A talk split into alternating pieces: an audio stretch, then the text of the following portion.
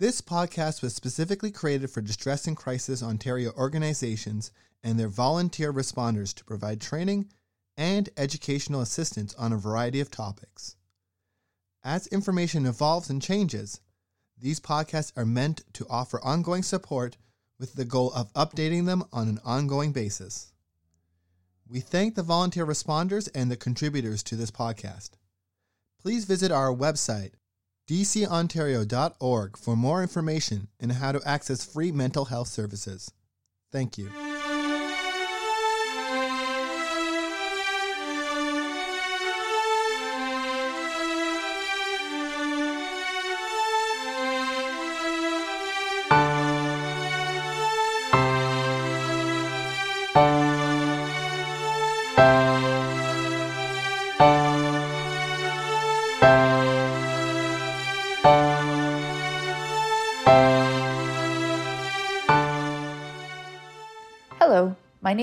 Plant, and I am the program manager at Distress and Crisis Ontario. Thank you for choosing to listen to our podcast. Today, I would like to welcome back a reoccurring guest, my daughter. Hello. As usual, I will not be sharing her name to protect her privacy, but I'm grateful to have her join me again. This week, she and I will be talking about gender roles, bodily autonomy, and her thoughts on Roe v. Wade. My daughter will be starting grade 7 in the fall, so these conversations seem more important than ever to me as her mom. So, to start us off today, what do you think of when I say the words gender roles? Uh, well, initially I think of the olden days um, when women stayed home and cleaned and cooked and took care of the children, etc. And the boys went out and got an income for their family and hunted and just did a whole bunch of the outdoorsy stuff that the women were not supposed to do.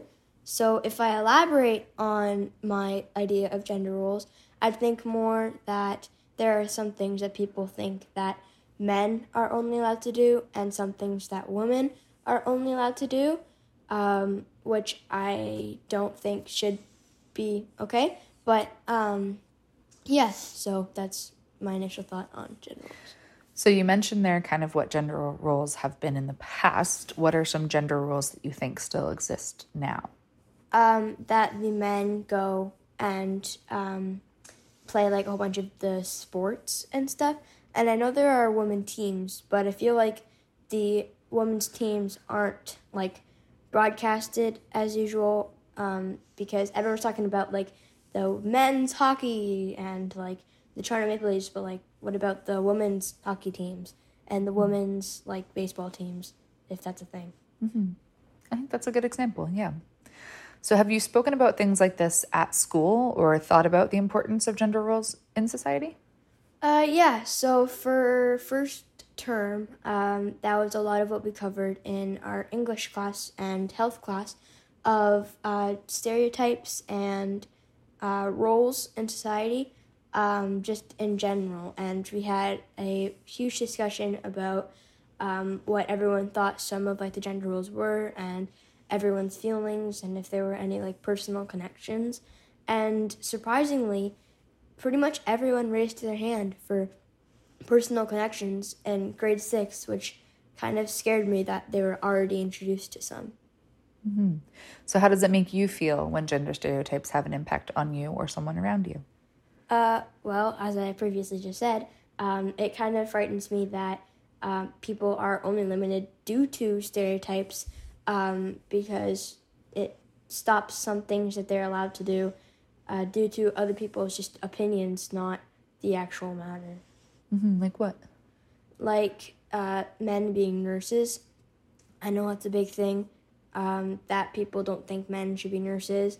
Um, that it's just like a girl's job, and like men in swimming or dancing, uh, stuff like that, or women as like carpenters and um, in construction sites just in general. Mm-hmm. Um, but I think that some people would like to do stuff that's not just their gender thing.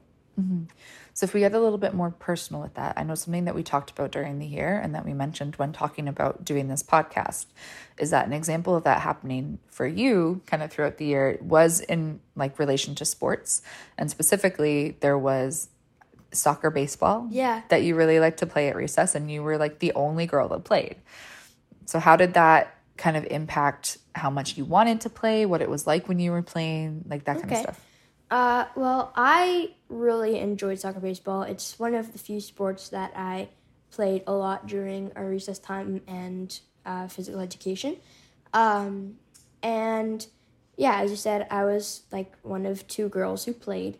Um, and every time didn't matter on the boys' level of skill, but they were always picked first. And it was always the two girls who were left. And it just annoyed me because they weren't picking due to skill, they were picking due to friends and like gender, which didn't make sense to me.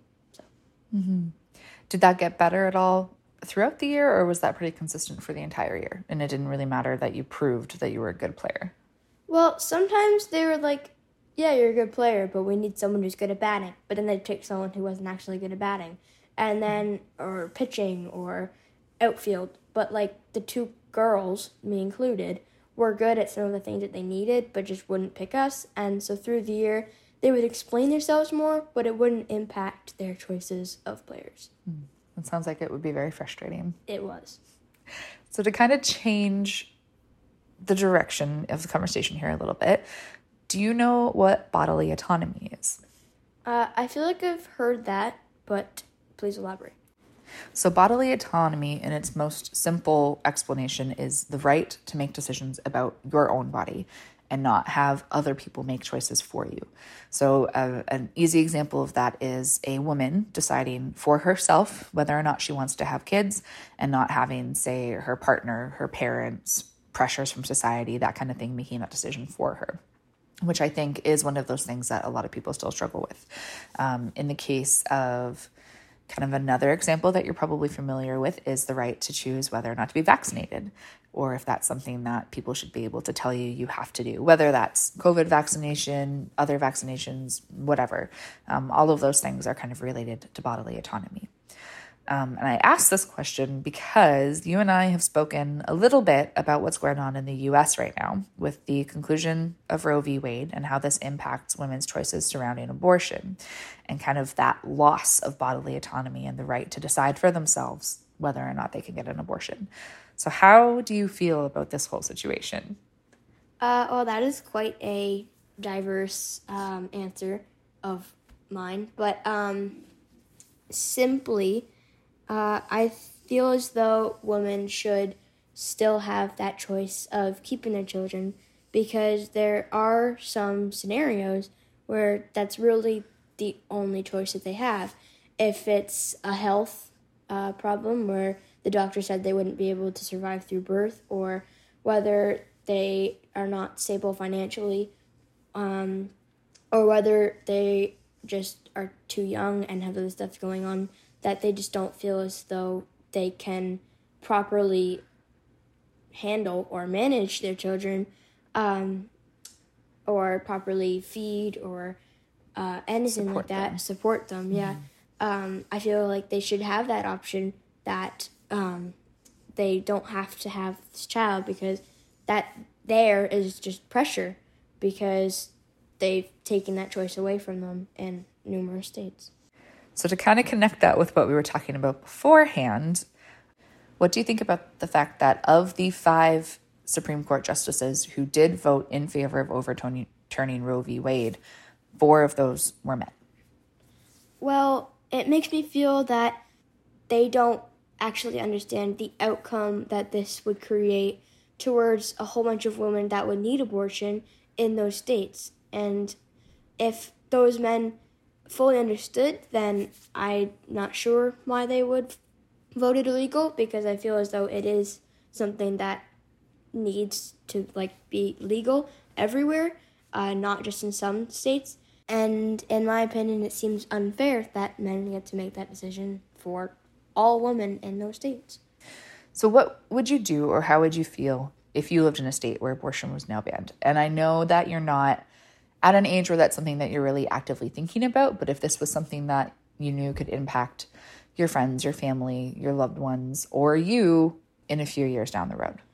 Well, I would try uh, to leave whatever state it was banned in. Um, if I don't have enough money, um, then that might be a bit of a problem.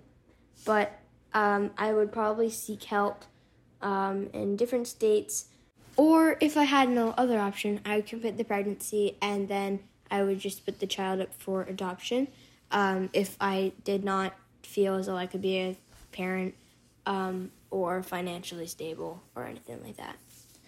So, how do you feel about kind of the people that don't have those options though? So, if you are somebody who can't afford to go to another state, if you're somebody who can't afford to take time off of work to go through childbirth and the recovery stages, because as much as I understand that what you're saying in, in terms of kind of keeping the baby anyways and then putting it up for adoption, you still have to navigate those last few weeks of pregnancy where you really can't work or do much. And those first few weeks of recovery where no matter what, you kind of have to take about six weeks off of work. And what if you genuinely can't afford to do that? Um, then I honestly, I'm not sure. So how does that make you feel that that there are people out there who this really just has the potential to to really change their lives completely? It makes me sad and a little bit mad that that decision was made um, in the first place. But yeah, I, I, I don't know. So do you think it's important that we talk about these things? Yeah, so that everyone knows that it's, in some people's opinions, not a good thing. But it's also important that we know um, why people did these things. But I feel like we talk about this to help some people in those scenarios um, that could need some of these ideas or could actually need to seek help um, and just have it help them. Is there anything else that you want to add that we haven't already talked about? I don't think so.